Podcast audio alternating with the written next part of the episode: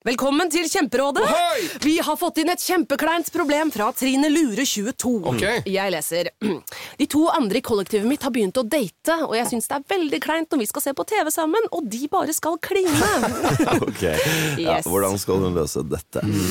Siden Trine Lure er under 30, får hun jo ubegrenset data fra Telenor fra 399 kroner. Da Da kan hun sette seg på sitt eget rom, streame så mye hun vil på mobilen. Ja, hun kan jo se på nye mobilabonnement på telenor.no. Ja, det er lurt.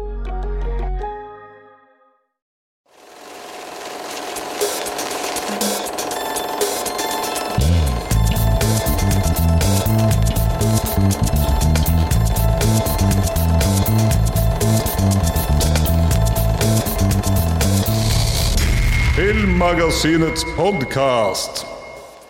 Hei og velkommen til Filmmagasinets podkast. Mitt navn er Tor Aaberg, og i dag så er det én ting som står på agendaen, og det er varulv.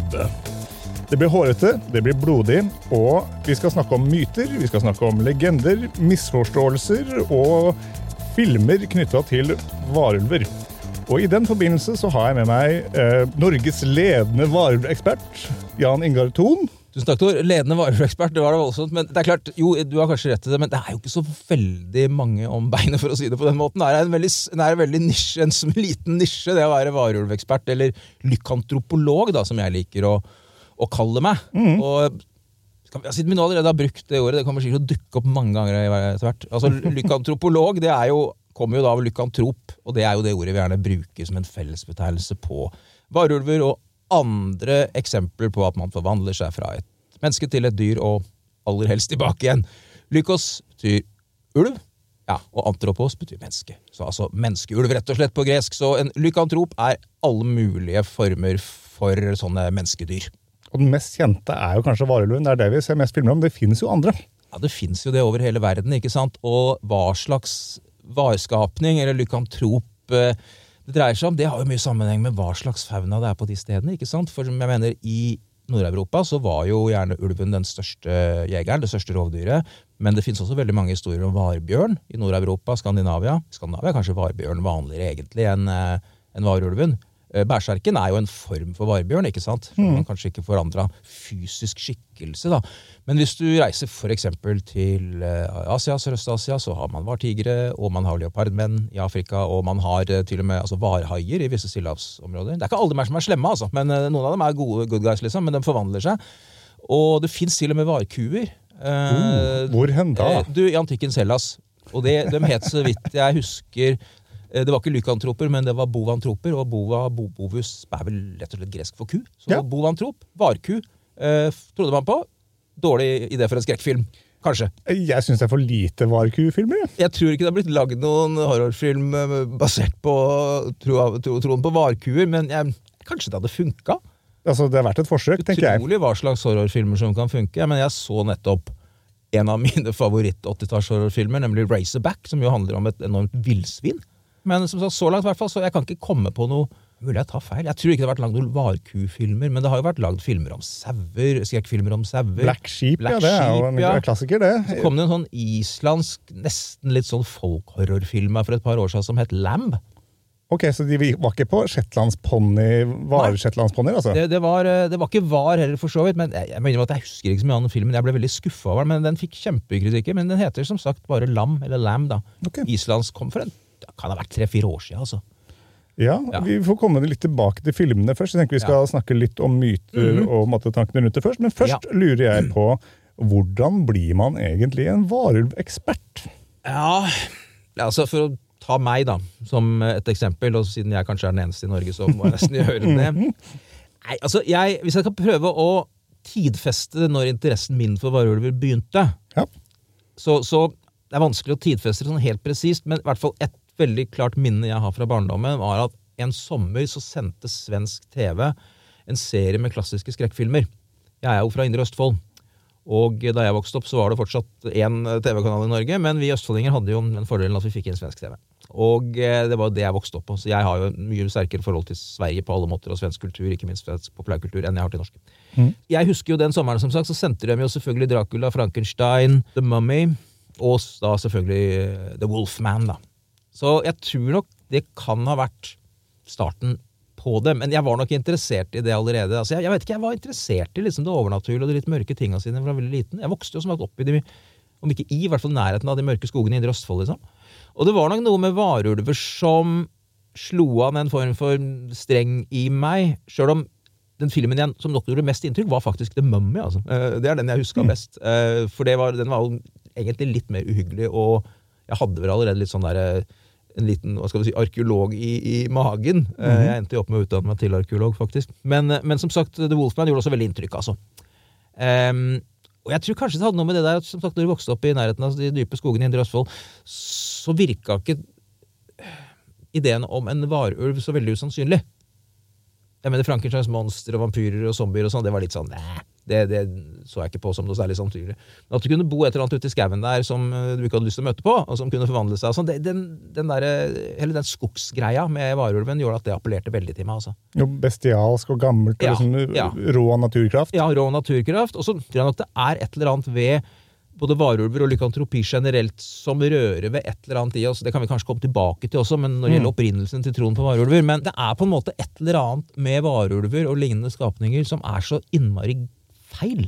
Det er så gærent, liksom. Altså, det der å krysse grensa mellom menneske og dyr på den måten der i, I mange andre kulturer så har jo det vært positivt. altså Innen sjamanisme, norrøn religion, sånn, så var jo det der å, å forvandle seg til dyr og krysse den grensa, det var jo egentlig noe positivt. Som, altså Odin gjorde det der stadig vekk, ikke sant, og sjamanene gjør det. Men for oss, da, som har vokst opp i en hva skal vi si, en vestlig mm, vi har vokst opp i en kristen kultur, uansett hva vi tror på eller ikke. Vi har vokst opp i, en, i den kristne kulturkretsen. Så for oss så er det der å krysse den grensa, og særlig når det er et eller annet med sex inne i bildet, det er totalt feil, liksom. Altså, Jeg gjorde en liten sånn Nå, nå blir vi litt sånn uh, grafiske her, kanskje. Eller i hvert fall uh, Det er lov. intime. Nei, ja. Jeg gjorde en liten sånn helt uformell undersøkelse da jeg drev med den varulvboka, for jeg skriver jo en del om dette her, da. Mm.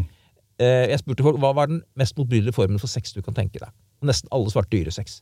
Og ja, det er skikkelig ekkelt. Men så spurte jeg om hva med voldtekt, incest, pedofili Er ikke det verre, da? Mm.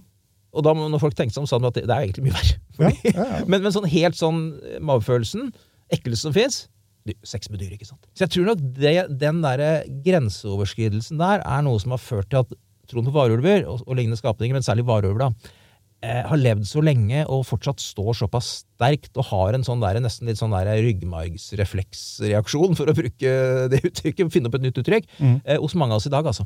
Som gjør at det er men det, Jo da, zombier er kule, og vampyrer er kanskje ikke så kule, men ok. Men, men varulven har liksom noe sånn derre Den er litt mer eh, bad på en måte, altså. Syns jeg, da. Og mange med meg, altså.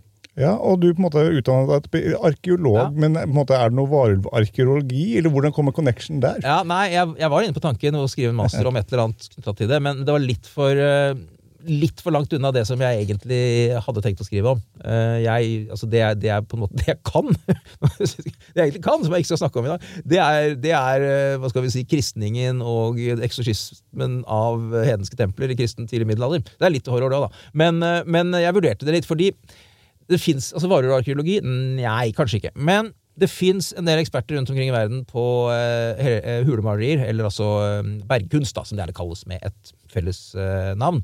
Altså Det er alt mulig fra helleristninger i Skjeberg med Østfold til eh, 30 000 år gamle hulemalerier i Sør-Frankrike.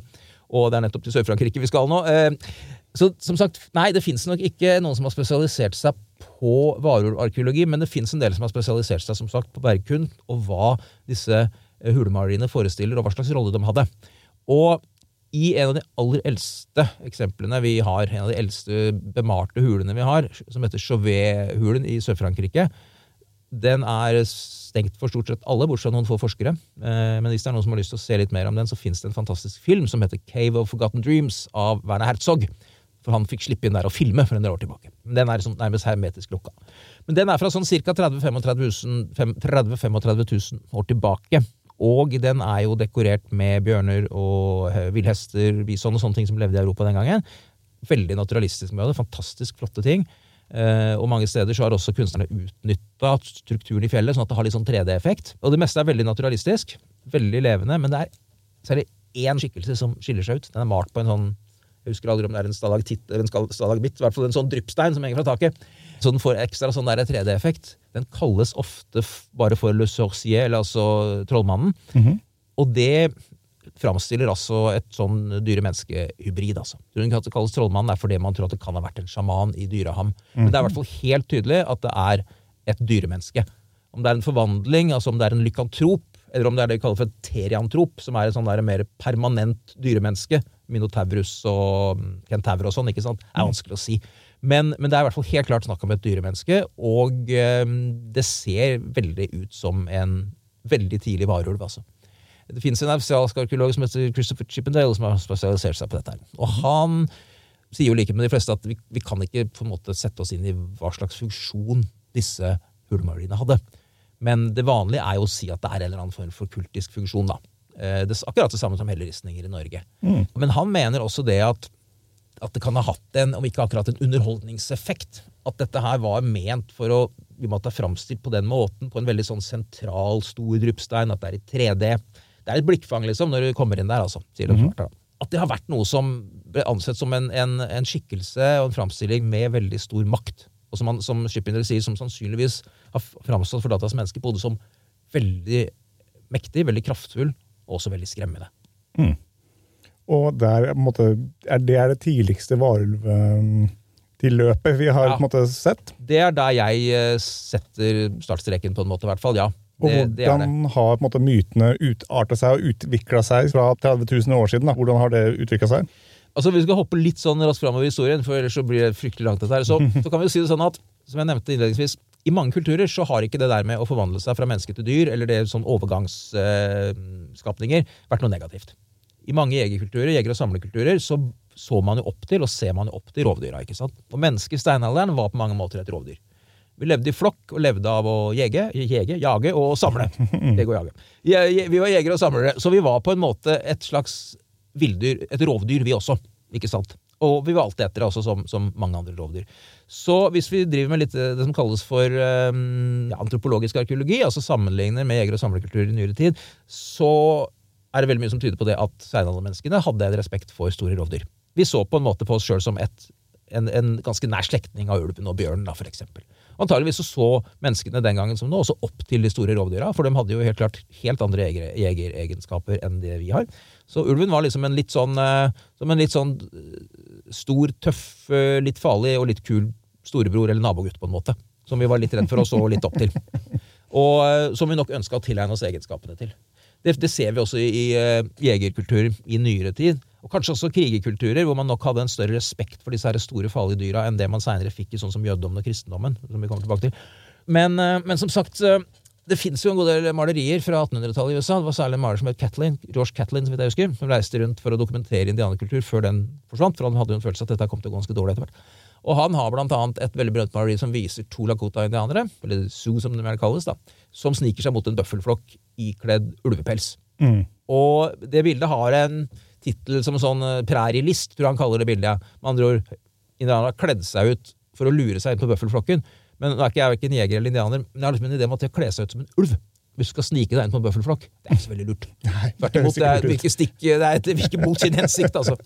Eh, Det vi ser der, er sånn som jeg tolker det, i hvert fall, et eksempel på en form for eh, jaktmagi. altså.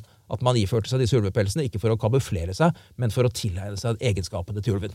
Man skulle tro det hadde vært en bedre idé å, å kle seg ut som det dyret man skal jakte. Kle seg liksom. som en bøffel, for eksempel. Ja. For eksempel.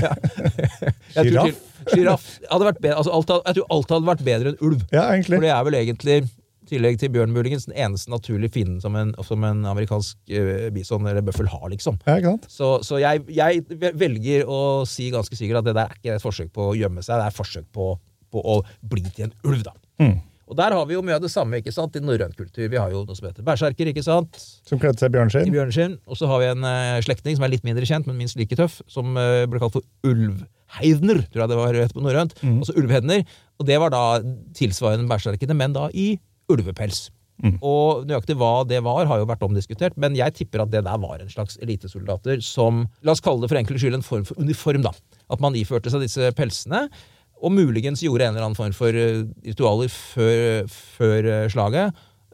nok en gang for å prøve å tilegne seg egenskapene, altså styrken, kraften, villskapen, mot osv. til disse rovdyra. Kanskje spise noen hallusinogene sopper på veien? Jeg skal ikke uttale meg om, om det, men det, det er en veldig vanlig teori. Ja. Da tror jeg det er viktig å velge riktig sopp, for man har jo snakka om fluesopp og sånn tidligere, men det blir man jo faktisk bare skikkelig sjuk av. Så det tror jeg ikke nødvendigvis var noen god idé. Men eh, at det nok fins andre ting som ga deg litt mer sånn litt mer pep, altså det, det er ganske trolig, egentlig. Det kjenner vi jo til fra andre jegerkulturer, sånn som zuluene i Sør-Afrika, for eksempel. de, de snorta jo en eller annen form for lokal eh, hjemmelagd tobakk før kamp, som gjorde at det ble veldig ivrige, for å si det sånn. Mm. Liksom hornsalt Ja, hornsalt, ja. før kamp. Det husker jeg, husker jeg mor hadde, og det fikk vi beskjed om. Vi måtte aldri lukte på. Da ble det veldig, samme her, og da ble det veldig aktuelt. å drible Hornsaltet. Oh, intenst. Det er derfor jeg liker wasabi i dag. Liksom spise store biter med wasabi. Kanskje det er det, for jeg er også veldig, jeg er også veldig mye mer glad i wasabi enn mange andre. liksom. Ja. Jeg blir alltid litt oppgitt over folk som blander litt soyasausen. og sånn. Jeg, jeg legger det jo på, hvis, Ja. sånn hvis du gjør i Japan. da. Så ja. får enda mer det der. Jeg elsker det. Ikke Colemans engelsk sennep er også bra. Ja, ja. Den kjenner du også godt oppover, altså. Mm, jeg liker det. Ja. Så er det fint med wasabi og tennep at i motsetning til chili, så går du ikke rundt og brenner hele dagen. Det er liksom sånn ti sekunder med og så går det over. Ja, nettopp. Det er bedre deal. Ja. Um, mm. Senneps, uh, Sennepspodden. Ja, Der har vi en egen en. Veldig Men, smal, men uh, ja, veldig smal. vi har noen få ivrige, tungtmedisinerte lyttere. Sennepspodden. Men det var veldig entusiastisk, altså. Ja, ja, ja. Vi har da eh, noen Native Americans som har drevet på med det. og Hvordan har det vært ellers i Europa, da? Sånn Kortversjonen er det at som sagt, jeger, samlekulturer, så sannsynligvis opp til stå på ulven osv. med en viss blanding av frykt, beundring og respekt. Eh, og så på det som en ganske grei ting, det å forvandle seg til et dyr. Så kom jødedommen og kristendommen, som jo var mye mer utprega bofaste kulturer. ikke sant? Altså Det begynte jo egentlig med det som jeg har kalt for overgang, eller neolitiseringsprosessen, kalles det. Overgangen Overgang til yngre, yngre steinalder, som for, skjedde for en sånn, eh, litt avhengig av hvor i verden det var, fra 5000 til 10 000-12 000 år siden. Begynte jo i sånn, et eller annet sted i Midtøsten, spredte seg langsomt oppover hit. Eh, man gikk over fra å være jeger og samler til å bli jordbruker. Og eh, bofast. For da kunne man ikke lenger leve det. Relativt frie, farlige, selvfølgelig usikre, men frie livet som jeger og samler. Man måtte stå opp om morgenen og ja, melke og sove, hva nå er bønder driver med. Eh, så eh, som en tidligere arkeologiprofessor sa, det var da slitet begynte. For da måtte man liksom følge klokka, på en måte. Og da blei jo plutselig de store rovdyra ikke lenger en uh, tøff, litt skummel, men uh, beundringsverdig skapning. Det ble en fiende, ikke sant? Dels så var det en helt konkret fiende, fordi den angrep jo husdyr og spiste sauer og andre ting. Ikke på langt nær så mange som bøndene i Norge påstår for å få ut erstatning, men, men, men eh, noen er jo. Og i tillegg til at det blei en slags eh, Altså at det var en naturlig fiende, så ble ulven og andre rovdyr et slags sånn symbol på det ville, det usiviliserte og det utemma. Og Det finnes mange eksempler på det i Det gamle testamentet, om at ulven særlig blir et symbol på villskapen i den utemma naturen. Ondskap også, kanskje? da. Ondskap også, og det kom enda sterkere inn med kristendommen. Men ja da, hvis du leser en tekster i Det gamle testamentet, så skjønner du det at ulven er ikke bare en trussel mot geitene og sauene, men han, han representerer også liksom en trussel mot sivilisasjonen. Innafor uh, gjerdestolpene og etter hvert bymurene så var det, var det på en måte for å bruke litt sånn religionshistoriske begreper, var det kosmos. Utafor så var det kaos, liksom. Kaoskreftene. Representert av rovdyr, og særlig ulv. Og etter hvert som kristendommen gikk fra å være en liksom, jødisk reformsekt til å bli en egen religion, så det førte jo, tok jo med seg veldig mye av tradisjonene fra jødedommen. Men synet på ulven som ikke bare farlig, men også ond, ble enda mer forsterka da. ikke sant? I og med at de kristne hadde en mye sterkere idé om dette med endetid og djevel og, og dom og død og synd og straff og sånn. Og Jesus var jo Guds lam. Ja, og lam og dersom- ulv er jo Ja, dersom, Guds sønn, dersom Jesus var Guds lam, så kan man jo sjøl tenke seg liksom hvilken rolle ulven fikk i den religionen der. ikke sant? Så ulven ble jo symbol på ondskap. Mm. Så du kan si, helt fra vi begynte å slutta slutte å jage og begynte å pløye, så har liksom, eh, som sagt, eh, synet på, på ulven som en fiende, både konkret og i overført betydning, blitt sterkere og sterkere. Fram til, I hvert fall fram til kristen tid. da. Tidlige tabloide overskrifter er 'Ulver i ledetog med djevelen'. Kan vi hoppe noen hundre år fram i tid, liksom? Ja. Siden du er inne i kristendommen allerede, og det du sa, da, er ulven i ledetog med djevelen. Og det ville nok mange sannsynligvis svart ja på, hvis vi nå beveger oss sånn fram til 1400-tallet. For da, da Vi kan hoppe over litt antikk Ja, ja, ja. og tidlig middelalder, for da var egentlig varulven, varulven også var litt sånn ikke så spennende. Det var litt mer sånn triste typer. En ridder som hadde en forbannelse over seg, og han gjorde egentlig ikke noe spesielt interessant, da. Men på 1400-tallet da begynner det å ta. Fordi da kom det en lovendring. Det høres litt kjedelig ut, men fra romerrettens tid, altså tilbake til antikken, så var det en lov som forbød falsk anklage. Og det har man jo fortsatt. Eh, som het Det, er jo lurt, det. det er lurt. Grunnen til det var fordi i antikkens Roma så var det en del sleipe typer som nærmest livnærte seg ved å true med å anmelde folk for diverse merkelige på påstander, og for å presse dem for penger. Så Derfor så innførte man en lov som het Lex Talionis, som jeg, hvis jeg husker, og det betyr at hvis du anklaga noen for noe og ikke kunne bevise det, så kunne du sjøl bli straffa. Resultatet var det at sånne ting som hekseri, lykantropi, alt mulig sånn, det var veldig sjelden noen ble anmeldt for det, for det er veldig vanskelig å bevise. Men på 1400-tallet så begynte den katolske kirke å få problemer med en god del kjetterbevegelser. Man hadde hatt det et par hundre år allerede. Og kjetter er jo liksom sånn hva skal vi si, Det er kristne som tror på noe annet, trodde på noe annet enn den katolske kirke hadde som offisiell lære. Og Det var jo sånn som katarene i Sør-Frankrike, som er fryktelig berømt og dukker opp i alskens eh, fantasy, rollespill og filmer. ikke sant? Og du hadde sånn som valdensere i Nord-Italia, Sveits og Bogomile litt lenger øst. og sånn. Det ble en trussel etter hvert mot kirken, så på 1400-tallet så fjerna man denne paragrafen om at det ikke var at det ikke var lov å an- anklage noen uten å kunne bevise det. Og da, helt, ikke, helt overraskende, så raste det inn med anmeldelser om kjetteri.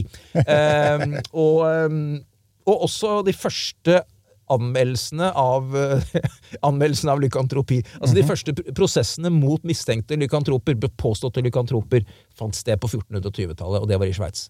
Og det var en, en sånn fem-ti år etter at den lovparagrafen, eller loven, ble fjerna. Det er lettere å slippe unna med det hvis fienden er hårete. Ja, det er det. Og så var det ikke noe sånn der, det skjedde ikke så mye da, det var i Sveits, som sagt. Det kjennetegner egentlig hele den perioden hvor man virkelig trodde på varulver, og da snakker vi fra 1400-tallet fram til tidlig 1700-tall.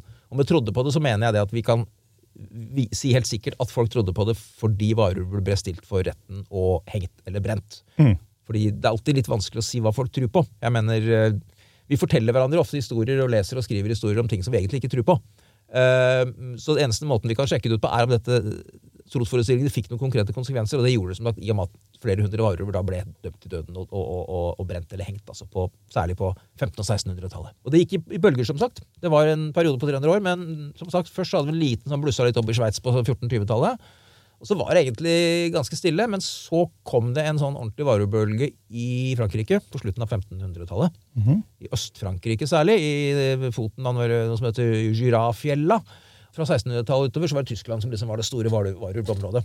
Så det er egentlig et ganske sånn konsentrert område i grenseområdet mellom Frankrike, Tyskland og Sveits. Det er liksom litt sånn ved foten av Alpene, kan du si. da.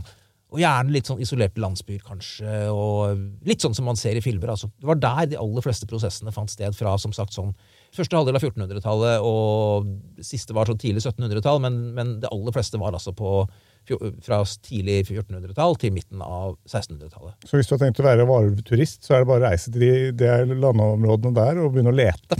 Ja, sjøl om jeg tror nok kanskje ikke de lokale myndighetene i de områdene har sett hvilket potensial som ligger i det der. altså. Ja. Eh, Varulvturisme er Varulvturisme. undervurdert. Ja, jeg, altså jeg drar, jeg. Ja, ja. Men du nevnte jo film, da. Ja, jeg Altså, vi skal hoppe, hoppe voldsomt langt igjen og prøve å finne en litt sånn fancy overgang her, så var en av de byene i Øst-Frankrike hvor de heftigste og mest eh, dødbringende forfølgelsene av varulv, det var en liten by som heter, en by som heter Besançon, som ligger i Øst-Frankrike. Og der ble det også på 1800-tallet født to brødre som het Lumière. Og det var brødrene Lumière som oppfant filmen. Ja. Så brødrene Lumière kom fra varulvbyen Besançon i Øst-Frankrike. Og det fins jo en del varulvlitteratur. Det fins noen bøker om varulver. Altså Skrekklitteraturen sto sterkt på 1800-tallet. Begynte jo allerede med den her kretsen med Byron og Shelley og Frankenstein. og den her berømte ferien som disse dikterne var på i Sveits. ikke sant? Og mm, Jeg har sikkert hørt en historie, men det Vi har til og med snakka om det Ja. på en annen episode. Ja. hvor vi, ja, så absolutt. Det fins for øvrig en eh, synes jeg, strålende film som heter Gothic. som handler om, eh, Den har fått litt blanda kritikker, men jeg syns det er en herlig film. Uansett, eh, en liten sånn kunstnerklikk som satt regna inn i Schweizfeld og underholdt seg av hverandre med å skrive skrekkhistorier. Og resultatet ble jo egentlig ganske bra, for Mary Shelley skrev jo Frankenstein. og han het vel Polidori. Han skrev jo en av de første varulvhistoriene eh, i vestlig kultur, da i hvert fall. Så liksom innen, innen liksom gotikken og på 1800-tallet så, så var det jo veldig populært med monstre og sånn, men, men varulv slo liksom aldri helt gjennom som litteraturskikkelse. Det kom en del bøker, og jeg har jo lest en del av dem, sånn av faglig interesse, de fleste av dem, men det er ofte ganske kjedelige greier, altså. Fordi hvis du sammenligner med vampyren, da, så har egentlig varulven veldig lite å spille på. Altså, jeg mener, Hva er det varulven gjør? Den forvandler seg fra menneske til dyr og tilbake igjen. Ta-da! Ja, Det er det, liksom. Hei. Og, og, og det, er, det blir liksom Det fins en bok som heter Wagner The Werewolf, som jeg har lest. Den er fryktelig tjukk og egentlig grusomt kjedelig. For det eneste som skjer, er det at Wagner forvandler seg til varulv. Dreper eller forfører en dame, eller noe sånt, så, var, så vandrer han til menneske. Og så blir han jagd av og til med menn med, med pistoler og sånn. da. Så det er egentlig det er ikke så spennende, altså. Mens vampyren kunne jo altså Den sugde blod av vakre kvinner, og den kunne forvandle seg til en flaggermus og en ulv og til en tåke. og det- Men altså, den hadde jo veldig mye å spille på, da. Den kunne covre ulv, den òg. Og Da har den allerede den, liksom den, den det, sant? Ja. varulven. Ja. Så, så det var på en måte ikke Og da hadde varulven veldig lite å, å spille på. altså.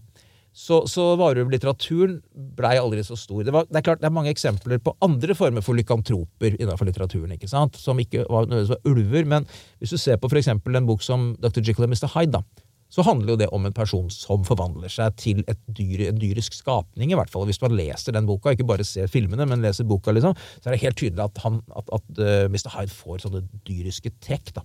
Eh, så jeg har tatt med det i min bok som et eksempel på lykantroplitteratur, i hvert fall. Og, og jeg tenker også at hvis vi bare hopper bitte litt tilbake i tid, altså til den tida man ikke trodde på varulver, altså 1500-1600-tallet, så trodde man jo det at varulvene var jo onde. Ikke sant? Hvis du ser filmer, så er varulvene ofte utsatt for en forbannelse. Man blir smitta, eller det er en sånn familiecurse. ikke sant? Eh, Det er det som går igjen i filmene. Men den vanligste forestillingen om varulver på 1500-1600-tallet var at varulvene med viten og vilje forvandla seg til en ulv. Så Derfor så er ofte beskyldningene om lykantropi henger ofte sammen med beskyldningene om hekseri. altså. De som ble beskyldt for lykantropi, ble ofte beskyldt for hekseri også, og djevelpakter. For det var liksom det typiske på 1500-1600-tallet, at en menneske gikk, inngikk en pakt med Satan for å få den evnen til å forvandle seg til et dyr. Og Det kunne være fordi man ønska å komme seg raskt til heksesabbaten, f.eks. Eller enda vanligere at man ville ha den evnen til å forvandle seg til et dyr for å kunne begå forbrytelser, sånn som å eh, drepe, spise, ofte også voldta, for det seksuelle aspektet er veldig sterkt i varetroen, eh, i Ulvehamn, ulveham, og så forvandle seg tilbake til menneske, og så liksom bare gå plystre av gårde og latt som ingenting, liksom. Så, så varulven var ond på 1500-1600-tallet. Ja. Ja, det var en djeveldyrker som forvandla seg til ulv for å kunne drepe og spise mennesker, for å oppsummere det veldig kort. Så den sto ikke sterkt i selve litteraturen, men når filmen kom Filmen kom. Eh, altså, som sagt, Sånne forvandlingsscener er ikke så veldig spennende å lese om, men de er ganske fine å se på. Så som sagt, disse brødrene Lumière fra Besançon de eh, oppfant jo filmen, og jeg tror det var sånn rundt 1895, så vidt jeg husker. Og dersom jeg ikke husker rett feil, så kom den første varulvfilmen allerede i 1913. Den er ikke bevart. Den, eh, den er en av de mange filmene som har forsvunnet. Den, eh, den handla visstnok om en indianerforbannelse, men den, den er som sagt den er borte for lengst. For øvrig, en av de aller første filmene, eller bøkene som ble filmatisert, det var Dr. Jekyll og Mr. Hyde. Og det ble filmatisert en haug med ganger eh, i filmens barndom. Og det var faktisk en, en eh, hva skal vi si, ikke fullført ny, enda en innspilling av Jekyll and Hyde, som på en måte var mye av opprinnelsen til den første, det jeg vil kalle ordentlig varulvfilmen, Werewolf of London, fra 1935, kanskje? Der omkring, i hvert fall. Og det var nok en gang så var det et filmselskap som fant ut at da skal vi filmatisere Jekyll and Hyde igjen, for det har bare skjedd jeg tror det hadde skjedd åtte ganger eller noe sånt på det tidspunktet. Vi gjør det en gang til. Eh, Men så blei det liksom aldri helt schwung på den eh, innspillingen der, som han hadde litt sånn halvveis et manus liggende og litt forskjellig sånn.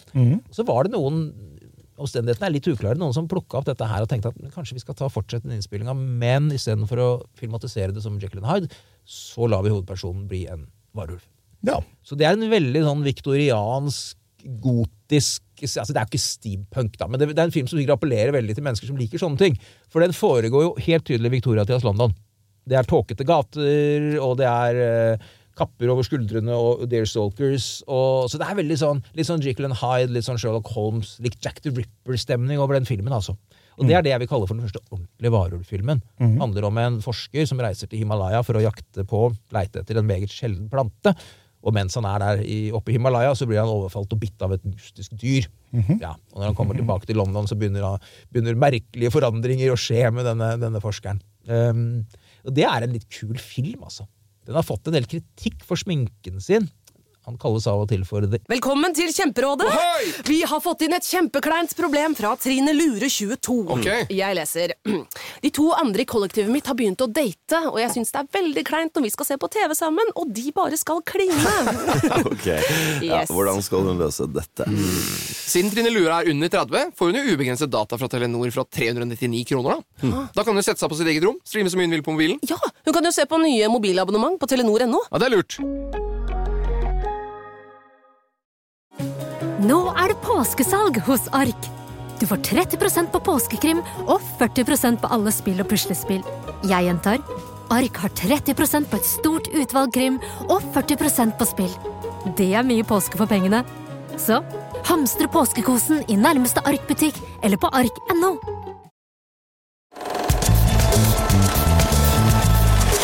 Elvis Werewolf.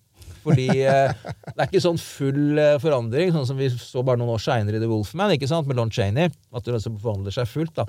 Han, han får liksom bare litt sånn kraftig kinnskjegg, og så sånn spiss ned i panna, og litt sånn Det er litt sånn der eh, Elvis rockabilly Jeg, jeg ser den, altså. Men, men jeg syns egentlig den sminken er veldig kul. For du ser liksom veldig tydelig at du ser mennesker liksom som stirrer ut gjennom dyrehammen. da. Jeg syns Elvis Werewolf, eller, eller eh, han i The Werewolf of London, er vel så skummel som Lon Chaney i The Wolfman. Men det er klart, det er jo The Wolfman som kom eh, ja, fem-seks år seinere. 41-42 eller noe sånt. 1942, som jo regnes som liksom starten på varulvfilmen. da. Um, og ma veldig mange av de tropene som uh, som fortsatt preger varulvfilmen, og som preger også troen på varulver, oppstår jo der. ikke sant? Det med at varulven forvandler seg ved fullmåne. Det finnes ikke noen særlige tradisjoner for det i Europa. men den, Det var ikke det, nei? Nei, det var ikke det. Uh, det fantes noen få steder, men, og jeg tror jeg har en idé om hvorfor. fordi mange av de klassiske som sagt, vareforestillingene, varulvtropene som vi finner i The Werewolf of London, finner man i Italia. Og det var veldig mange italienske emigranter til USA. Sånn sent 18- tidlig 1900-tall. Veldig mange kommer jo fra Sør-Italia og Sicilia. Så jeg har en sånn der liten teori om at det kan være rett og slett at det var, det var også mange italienere innen sin underholdningsindustri, og det var mange av dem. liksom. Var de hårete? Eh, italienere ja, ofte, mer, ofte mer hårete enn oss. Men, men det, er litt, det er litt overdrivet akkurat det der. Jeg, jeg vil faktisk si at grekere muligens det, Men nok om det. Men, men, men ehm, Eller så er det nordmenn som er litt for lite hårete, kanskje. Eller? Alt ettersom. Alt ettersom. Men uansett, eh, så, så har jeg en idé om at de forestillingene om at en varulv forvandler seg full med, og at det er en forbannelse, at det ikke er ønska, at det er ikke sånn at man inngår pakt med Satan, men man, man blir utsatt for dette, man har ikke lyst til det. Eh, Det at man kan drepe en varulv med en sølvkule, eh, at pentagrammet for eksempel skal kunne beskytte mot varulver. Jaha, Og- den har jeg ikke hørt før. Jo, det dukker opp, det viser at pentagrammet i hvert fall har med varulven å gjøre. Det dukker opp i, i um, Wolfman, faktisk. Og også det der at det som heter Wolfbane på engelsk, eller eh, Belladonna, er Bella, ja, Belladonna er en slektning. Stormhatt heter eh, Wolfbane på norsk. Det er en fryktelig giftig plante.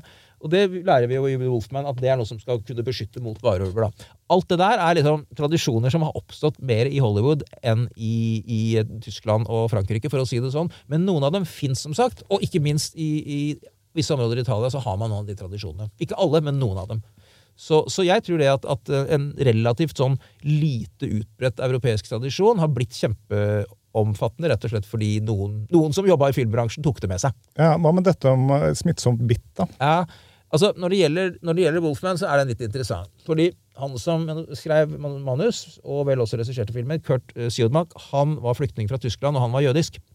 Og den filmen får liksom et litt sånn ekstra aspekt, hvis du er klar over det, fordi så vidt jeg husker i den filmen, sånn er det jo, ja. At pentagrammet, dem som på en måte har blitt ramma av varulvforbannelsen, de får vel et pentagrammerke på kroppen. Om det er i hånda eller på kroppen, husker jeg ikke. Og det er klart, Kurt Schedmark, som flykta fra Nazi-Tyskland, hvor jødene etter hvert ble tvinga til å gå med davidsstjerne på, på påsydde klærne sine.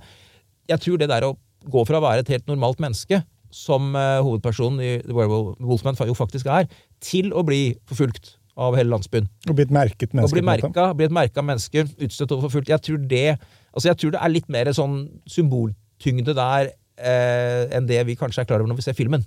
Jeg, jeg, jeg kan ikke tenke meg at som sagt en jødisk flyktning fra Nazi-Tyskland Det var helt tilfeldig at han la inn de aspektene der i den filmen. altså. Det tror jeg ikke. En annen ting jeg lurer på, da, er jo at I veldig mange moderne varulvfilmer så har man en delvis eh, transformasjon. Mm. Man er både litt altså Ulv på to bein eh, med Mm. armer, mens andre filmer så er det bare på en måte en stor ulv som går på fire.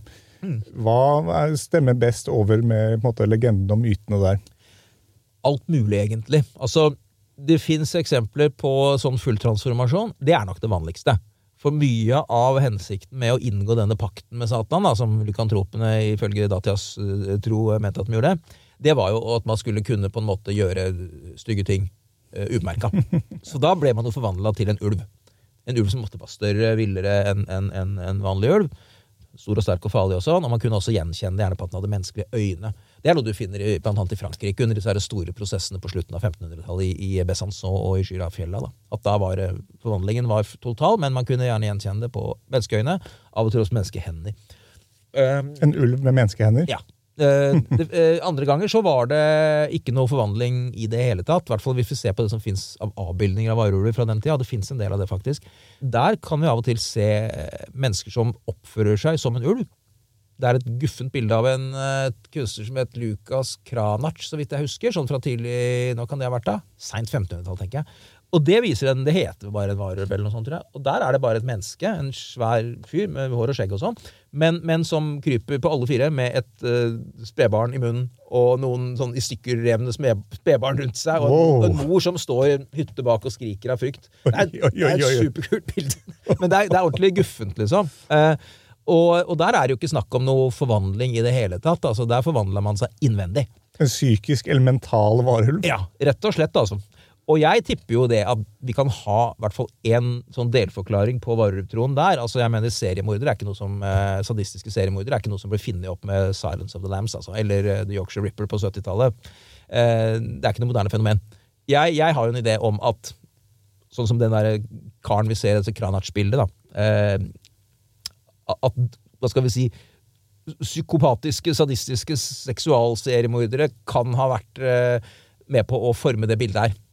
I, i, altså I mangel av en annen forklaring så tenkte man at dette her må jo være et dyr i menneskeskikkelse, på en måte. For de gjør ting som er helt utenfor vanlig Ja. menneskelig måte, Rett og fatteevne og hva man kan gjøre. Så jeg ser jo på en måte en slags logikk og på en måte Ja. Mm. at det her er noe overnaturlig eller dyrisk. Ja, for jeg mener, altså Hvis man dreper noen pga. en krangel, greit nok. liksom Sjalusi. Bønder driver alltid og krangler om sånne grensestolper. ikke sant? At man slår hverandre i hjel med en stau. Det har nordmenn ofte gjort. og sånn. Man kan se det liksom at at det er sånne fornuftige grunner til det. da. Men en seriemorder det er jo sånn at vi vet i dag, liksom, er jo mennesker som ikke har noe motiv. Altså De har et slags motiv, men det motivet er inni her. liksom. Ja. Det er ikke noe, det er ikke noe sånn konkret opplagt motiv. Så jeg kan tenke meg at altså fortidens mennesker forklarte det rett og slett med at det var en, som sagt, et dyr menneskeskikkelse. Altså. Eller at det dyret skal ha tatt kontroll over, over mennesket på en måte, sånn at man gjorde ting som du sier som var helt sånn uforklarlige. Ja, jeg kom jo først i kontakt med deg når jeg først anmeldte og, og skrev en artikkel om eh, den norske varulvfilmen fra 2022. eh, Vikingulven. Og, og der er det jo for det første en ulv som går på alle fire og på en måte er mer ulv. eh, og det er jo veldig morsomt at det har kommet en, en Jeg syns det var en veldig bra varulvfilm. Og den uh, gjorde det kanskje ikke så fantastisk i Norge som jeg hadde håpa den kanskje skulle, men den gjorde det veldig bra i utlandet, vet jeg. Jeg må innrømme at jeg har fulgt litt lite med på det. Jeg var jo litt grann bare sånn, Man har blitt så veldig opptatt av det etter hvert å si at hvis man har vært involvert i noe Jeg var ikke involvert i å produsere den filmen, men jeg var litt grann med på litt sånn type, ikke markedsføring kanskje, eller, men jeg, jeg hadde noe sånn introduksjonsforedrag før premieren under filmens dag her og sånn, så jeg har vært litt grann involvert i det der. Bare sånn at folk skal vite at alle hører det, at jeg har, skjuler ingenting. Jeg har hatt litt grann med Filmkameratene og den filmen å gjøre, men eh, men jeg prøver å være så objektiv som mulig. Ja, nei, jeg, som sagt, jeg så den jo før den kom, og jeg var jo, for å være helt ærlig, litt sånn usikker. Fordi jeg hadde jo hatt en del møter med Filmkameratene, og det var innmari hyggelige folk.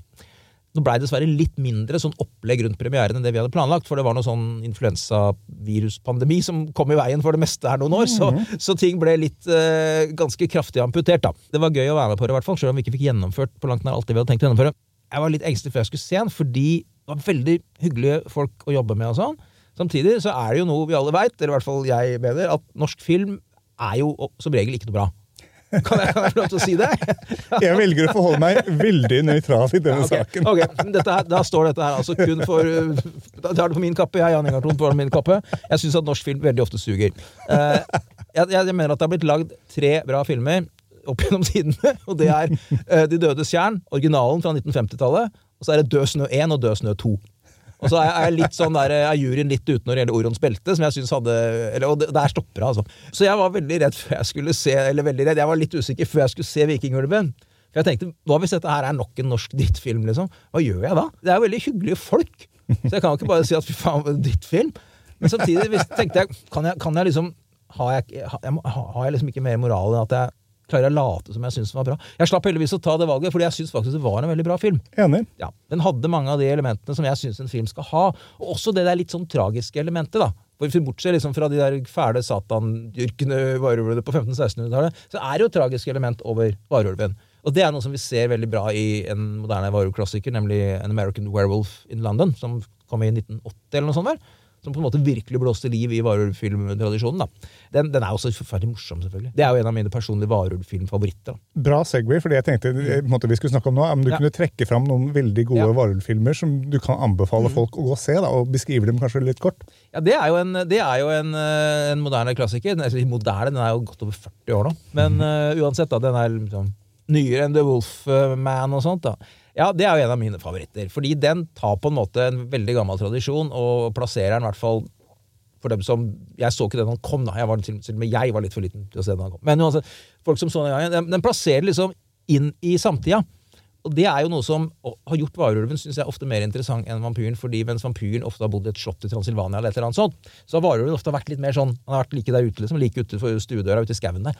Det var som sagt sikkert noe av det som gjorde at jeg syntes varulvene var både spennende og skumle da jeg vokste opp. Mer lokal. Ja, mer lokal, ikke sant? Og, og du tar liksom varulven og plasserer den inn i eh, Det er jo amerikanske backpackere i 1980, liksom. I, på, på ferie i Europa. Og det var jo sånn eh, Det var interrailer, var det ikke det? Uansett, sånn derre det, det, det er jo typisk for, for regissøren òg, at han, han, han hadde veldig sånn litt mer hva skal vi si, kontakt med pop, sin tids populærkultur.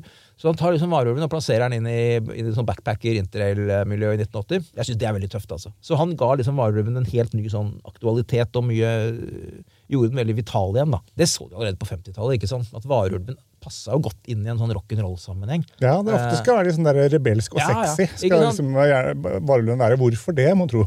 Nei, jeg vet ikke. Altså, varer, altså Vampyrene er jo reaksjonære, ikke sant? De er jo adelige og, og. Gamle og Ja. konservative. Ja, ja, de, de er reaksjonære, gamle og konservative.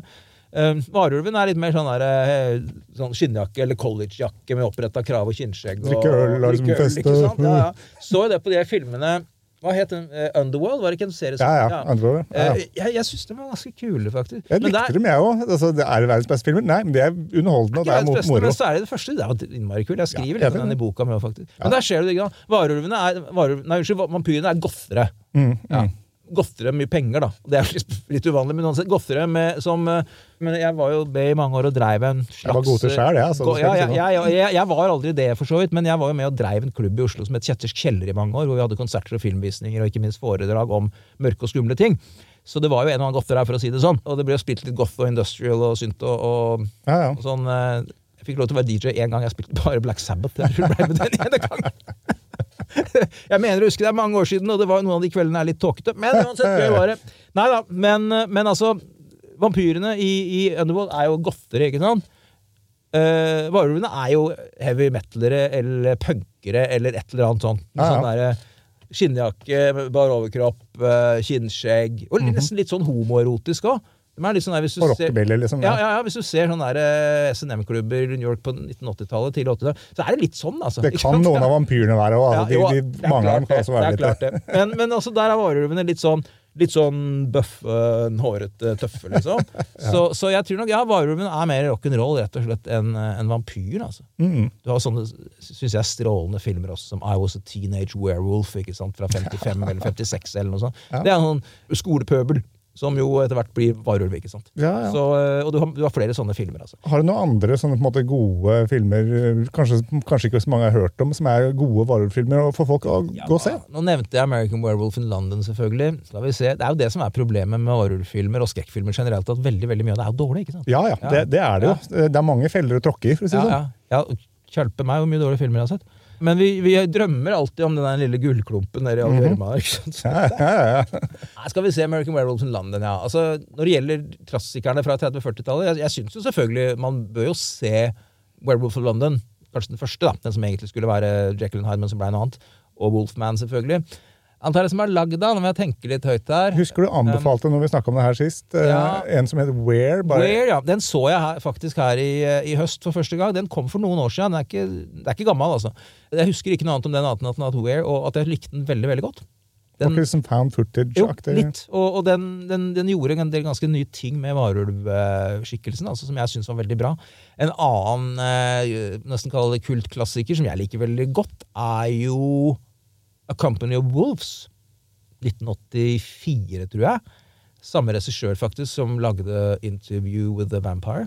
Ah, han covra begge parter, på måte? Ja, og han har også lagd andre fantastiske filmer, sånn som The Crying Game, som jo er mer sånn drama, drama fra Nord-Irland, skråstrek London, og bakgrunnen i konflikten i Irland og sånn. Husker aldri hva regissøren heter, men det kan dere sikkert slå opp hei. ved leilighet. Han har også lagd en kjempefin Graham Greene-filmatisering som heter The End of the Affair. Så han har lagd mye sånn der, litt sånn type mer sånn seriøse, tunge dramating, da. Mm. Men, men han har også lagd The Company of Wolves, som, som kom i 84 eller der omkring. Som, som er en slags sånn derre Hvor man blander sammen varulvmyten med Rødhette og ulven-myten. Spennende. Ja, Den er tøff. Den foregår i et slags sånn derre Brødre Grim-landskap. Det kan, ene øyeblikket så kan det være i dag, og neste øyeblikk så er det 1700-tallet eller 1600-tallet. Satan kommer kjørende i en hvit Rolls-Royce og sånn. Den, den er litt sånn cheesy, men den er innmari tøff. altså. Og så er det litt sånn freudianske undertoner, og at eh, det, det, det liksom kobles sammen med en ung jentes eh, seksuelle oppvåkning. og Jeg syns den er tøff. Neil Jordan. eh, Neil Jordan, heter han visst. Ja, han, er veldig, han har lagd veldig mye bra. Eh, så den vil jeg anbefale. Det som er litt problemet med den, som en god del grøssere, er grøssere, er det at den baserer seg innimellom litt for mye på spesialeffekter. Og det som var state of the art spesialeffekter i 1984, er ikke nødvendigvis det lenger. Nei. Men sånn, mens jeg ser vi jo i dag, og det som var et superkul CGI for fem år siden, ser jo i dag ut som et dårlig dataspill, liksom. Så Ja. man skal alltid være litt forsiktig med det. Eh, Men, men altså, den gangen syns vi jo de spesialeffektene var bare kjempekule. Og de var laget av en av de store gutta innen spesialeffekter, så det er jo verdt å se. Se på grunn av det. Altså, det var, man kunne gjøre ting, kule ting med mekaniske spesialeffekter. Altså. Ja, for en del sånne varulvfilmer står og faller litt på transformasjonsscenen. Ja. Og det er ganske tøffe transformasjonsscener, men det er klart det er jo litt grann sånn der, eh, klossete, kanskje, med, sett med vår tids øyne. da. Ja. Men, men, men det, stemningen er bra. Stemningen er veldig bra. Jeg husker også du nevnte en spansk varulvfilm. Roma Santa, tenker jeg. For der er vi mer over på seriemordere. For Roma Santa var en spansk seriemorder som opererte på midten av 1800-tallet. Og han ble jo undersøkt av datidas øh, ja, Psykologer er vel å ta i, men, men det som etter hvert skulle bli til psykologer. For da tenkte man jo hvor var verden er en mann som bare dreper en masse mennesker uten noe motiv. Hva er det for, det for noe? Så han ble undersøkt. Det er også på en tid man begynte å bli veldig opptatt av dette med frenologi og skallemåling og sånn. At hvis du hadde en kul der, en kul der, eller kortskall eller langskalle, så tyda det på at du blei eller ikke blei kriminell og sånn. Det var masse sånne lærde menn som kom og målte skallen til Roma Santa da han satt i, i fengsel. Da. Og den filmen handler jo om det. Den er utrolig pen å se på. Spansk, som sagt. Uh, han har et veldig spansk navn. Han heter Paco Plaza eller noe sånt, han som har lagd den. Uh, den er i hvert fall veldig kul, og den er jo kanskje ekstra kul nå, dessverre, fordi Julian Sands spiller hovedrollen. Han døde jo her i, i våres, vet du. Han, Ja, han som spiller i uh, The Warlock og masse, masse annet. Han, han forsvant jo, han var sånn ivrig fjellklatrer, var det vel? Så han forsvant i noe fjell i USA her i, ja, ja. for et halvt års tid siden. eller noe sånt. Stemmer. Han har spilt i mye kult. Han spiller også i uh, Arachnofobia, som jeg også syns er en ganske morsom film, faktisk. Er det noen flere filmer du har lyst til å Altså, Trekke fram? vi, Det er jo varulvfilmer, ikke sant? og nå prøvde jeg å trekke fram noen som var litt mindre kjente. Da. Det har vært masse varulvfilmer, ikke sant? Som, og de fleste av dem er jo ikke all verdens å samle på. Altså. Men jeg vil også gjerne trekke fram en film som jo er en lykantropfilm, i hvert fall, som heter uh, Cat People. Og originalen, vel å merke. Den ble nyinnspilt på 1980-tallet, og den er ganske morsom, den også. Med, med Malcolm McDowell, faktisk, i en av hovedrollene. Han er også rollen som, som uh, Ikke varulv, men det er nesten, da. Varkatt? varkatt, vareleopard eller et eller annet sånt. da. Og Nastasja Kinski er også veldig, veldig til stede i den filmen. for å si det sånn. Og, eh, men det er en nyinnspilling av en film fra 1942, som sagt. Av eh, Val Luton. Produsent Val Luton. Han, han eh, insisterte alltid på bare å stå som produsent på filmene sine. Men han var jo i praksis også manusforfatter og veldig ofte og regissør. Men den filmen var det en franskmann som het Tournier, Michel Tournier som regisserte. Og Det er jo en film som handler om en ung, vakker kvinne fra Serbia som har bosatt seg eh, i USA og treffer store kjærligheten i sitt liv, men er da livredd for uh, enhver form for fysisk kontakt og intimitet med han fordi hun mener at det hviler en forbannelse over, for hun kommer fra en landsby i Serbia hvor menneskene på et eller annet tidspunkt inngikk en pakt med Satan. uh, sånn at man, for å kunne Stadig Satan Ja. som sniker seg Ja, fram og for, å, for å kunne forvandle seg da til store kattedyr. Eh, Det er bakgrunnen, da. Det er en innmari fin film. Eh, Så det er jo absolutt en Som sagt, det er ikke en ulv, da, men det er jo så nærme at vi må ta med den. Det er en knallbra film. Den er stemningsfull. Den er, den er nifs. eh, Den er fryktelig trist. Og det er utrolig pen å se på. Den er jo den er jo anerkjent også, kanskje på en måte som ofte skrekkfilmer ikke blir. For den ligger jo i grenseland mellom horror og litt sånn psykologisk drama og litt sånn Vag erotikk. vag erotikk. Uh, film noir. Den er, den er kjempefin å se på. Val Luton lagde et knippe med glimrende filmer på 40-tallet som er litt for lite kjent, men uh, I Walked With A Zombie er også en nokså kjent film han har lagd, som også er kjempebra. Han, altså, bare si to setninger om, om Val Luton, fordi han, han var jo et, et produkt av eh, liksom, eh, studioselskapssystemet, ikke sant? Produksjonssystemet, selskapssystemet. Og det var ikke regissører den gangen. Det var jo ikke sånn som i dag at, man, at det var sånn kunst, selvstendige kunstnere som lagde kunstverk. De jobba på oppdrag, liksom. Ja. Så Val Luton fikk i oppdrag å lage et visst antall filmer. Um, han hadde et, det var no, noen krav. Han hadde et kjempelite budsjett. Husker ikke akkurat hvor mye det var nå, men det var nesten ingenting. Eh, filmene kunne ikke vare lenger enn Det var maks 80 minutter, altså en time og 20 minutter. Mhm. Og han fikk ikke bestemme titlene sjøl. Oi, spennende. Liksom dogmeregler, bare Ja. ikke. si. Så han, han måtte jo da, og det han tenkte, liksom, for å si det litt sånn billedlig, var at istedenfor å jobbe innafor rammene, så jobba han liksom rundt Utenfor? rammene. Ja, rundt rammene. Ehm, og han lagde et knippe med helt fantastisk bra grøssere. Altså. Cat People er kanskje den mest kjente. Walk to the Zombie er veldig kjent. Island of the Dead. The Leopard Man. eh, the Seventh Victim. Og et par som jeg ikke husker. Uh, cool. Body Snatcher og Bedlam. Det tror jeg alle sammen. Eh, dem er vel eh, jeg, Noe av det første jeg gjorde da jeg fikk meg DVD-spiller og kredittkort, var å bestille en boks fra statene. Jeg måtte til og med kjøpe en sonefri DVD-spiller. Det var i gamle dager, dette. Ja. For dette var, var kun utgitt i USA. I dag er jo de filmene å få tak i både her og Ja, der, ja. for å si det sånn. Um, og, Men- um, men, uh, men altså, fantastisk bra grøsser, altså. Han er um, Jeg måtte bare si noen få om han, for han er en av mine store helter. Og også det at han insisterte på kun å stå som produsent, fordi han ville ikke ha oppmerksomhet, og han ville kun bare være bakmann, liksom. Men i praksis var det han som lagde de filmene. Selv om Michel Tournier, som regisserte Cat People, skal også ha mye av æren, altså, for han var en fantastisk regissør. Som også senere lagde en av mine andre favorittskrekkfilmer, nemlig Night of the Demon fra 1955, eller et eller annet sånt. Som kanskje er litt mer sånn i folkhorror. Det er mye folk her kan Ja. gå og sette seg ned og kose seg Ja, med. ja. Så, det, så Val Luton, sjekk ut han. Har laget fantastiske filmer som ikke er så kjente. Han laget så mange, han døde veldig ung, han jobba selv. Og hvis det er noen varulventusiaster der ute som har lyst til å lese boka di, Mhm. hva heter den? Nå har jeg tatt med meg et X her. Skulle tatt med til dere òg, men jeg, hadde, jeg fant bare ett. Men jeg skal få et av med en annen anledning. Den heter øh, det, ja, det burde jeg huske, egentlig. Den heter Varulver. Blodtørstige menneskedyr og hårete filmhelter, har den som undertittel. Og den kom ut på Humanist Forlag i en eller annen gang i steinalderen. 2006, tror jeg. Og den er visstnok fortsatt å få tak i. Jeg trodde ikke den fantes lenger, men eh, Så bra. så på nettet. Still going strong. Ja, tydeligvis. Altså, det var, klarte vel aldri å få solgt ut de der 50-20 bøkene de trykte opp. da. Nei da, den solgte ganske greit da den kom, faktisk. Den, den, kom, eh, den gjorde det visstnok ganske bra til å være en sånn bok. Men jeg klarte klart jeg har av og til tenkt at hvis den hadde kommet noen år seinere, hvor alt dette var etter Twilight og alt det greiene der, Ja, ja. så hadde den gjort det fryktelig mye bedre. Du burde jo bare sette deg ned og lage Lykantropisk institutt. Ja, ja, jeg, jeg har tenkt på det, faktisk. Um, ja. Men jeg, jeg trenger noen flere, liksom, for at jeg skulle kunne Jeg føler liksom at hvis, For å kalle det et institutt, hvis jeg bare er én, det blir nesten litt frekt, ass.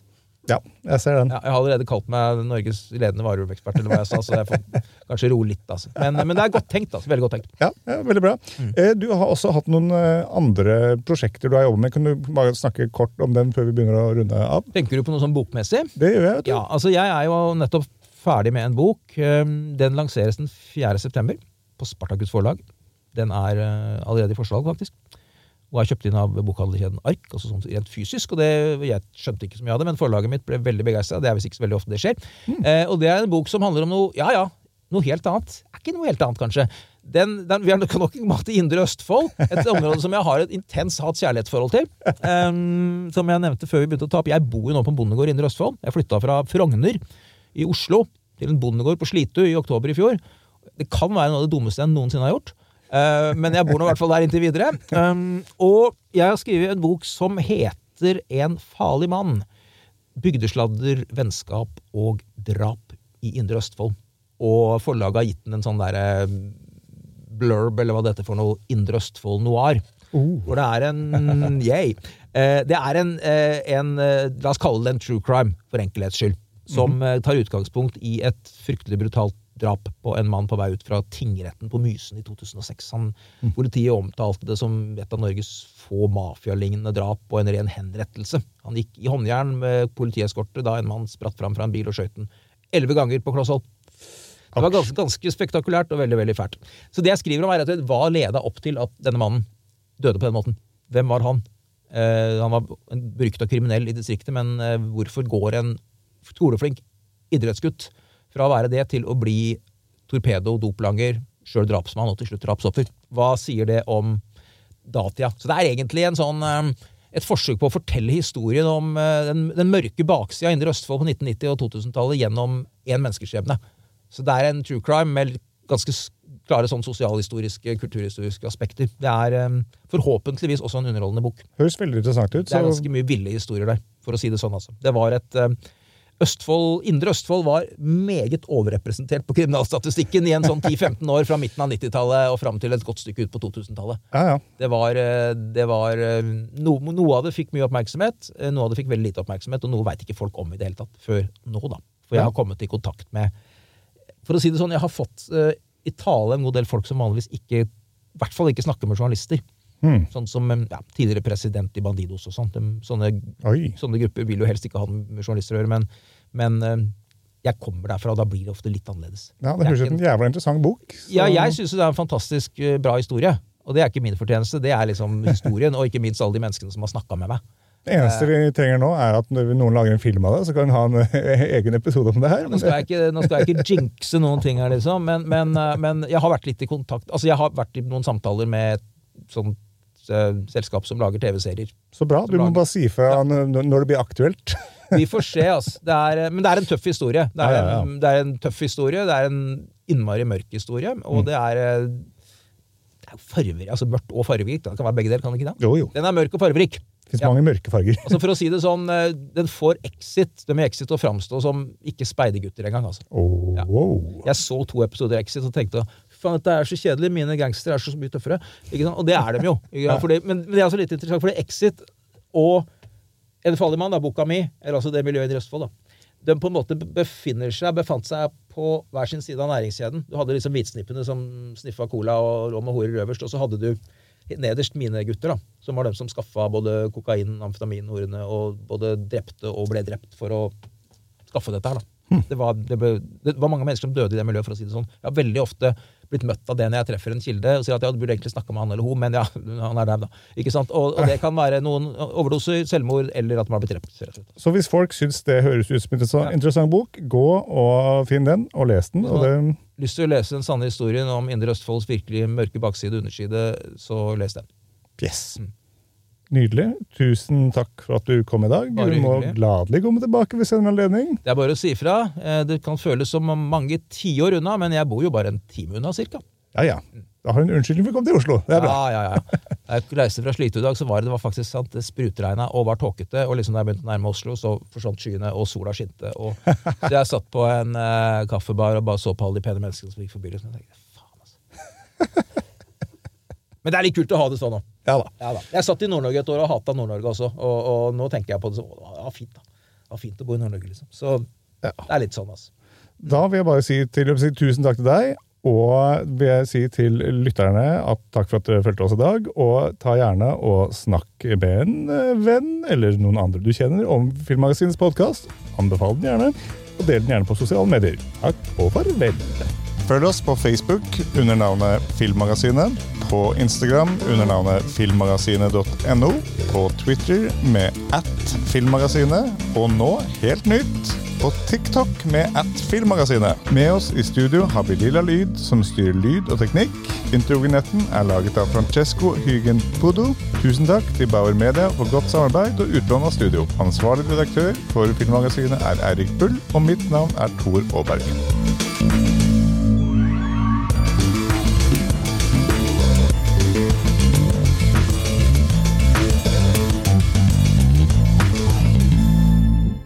Velkommen til Kjemperådet! Ohoi! Vi har fått inn et kjempekleint problem fra Trine Lure 22. Ok. Jeg leser.